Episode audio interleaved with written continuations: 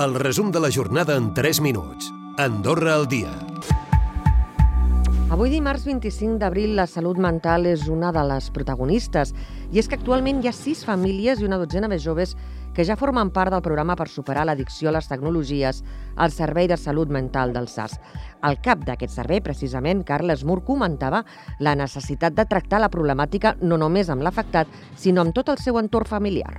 Ara estem començant tractant a sis famílies a la setmana, que és el que estem fent, i a nivell de pacients, l'ENA de moment estem començant amb 11 o 12.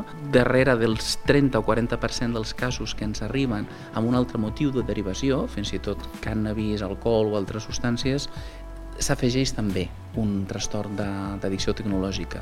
Precisament la Universitat d'Andorra ha acollit la segona jornada solidària sobre salut mental. La Sandra Cano, presidenta de l'Associació en Defensa del Jovent en Risc, i l'Eva Tenorio del projecte Vida han destacat la necessitat de desestigmatitzar la salut mental.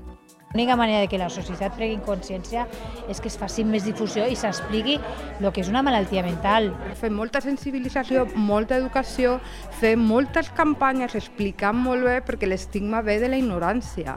I encara dins l'àmbit social ha caigut un 30% l'ús de les targes de prepagament de productes de primera necessitat com alimentació i higiene. Ho comentava el director del Departament d'Afers Socials, Joan Carles Villaverde, que destacava que és degut a la flexibilització dels ajuts al lloguer.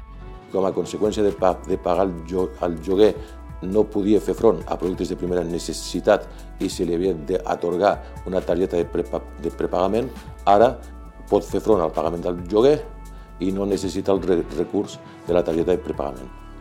Aquesta és, ha estat, la, per nosaltres, la mesura que ha provocat més, més impacte. I acabarem parlant de cinema perquè la guanyadora d'un Gaudí, Neus Ballús, Samantha Hudson o Alec Hernández són alguns dels reclams del festival Ull Nu.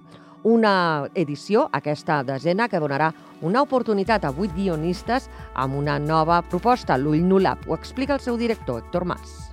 Hem tingut molt en compte que fossin projectes que tinguin molta... o que estiguin ja en fase... que tinguin moltes probabilitats de ser realitzats. El logotip de l'ull nu ha d'estar en els crèdits del curtmetratge. Aleshores, nosaltres estic convençut que ens donarà molta visibilitat perquè seran projectes que viatjaran arreu del món. Recupera el resum de la jornada cada dia a AndorraDifusió.d i a les plataformes de podcast.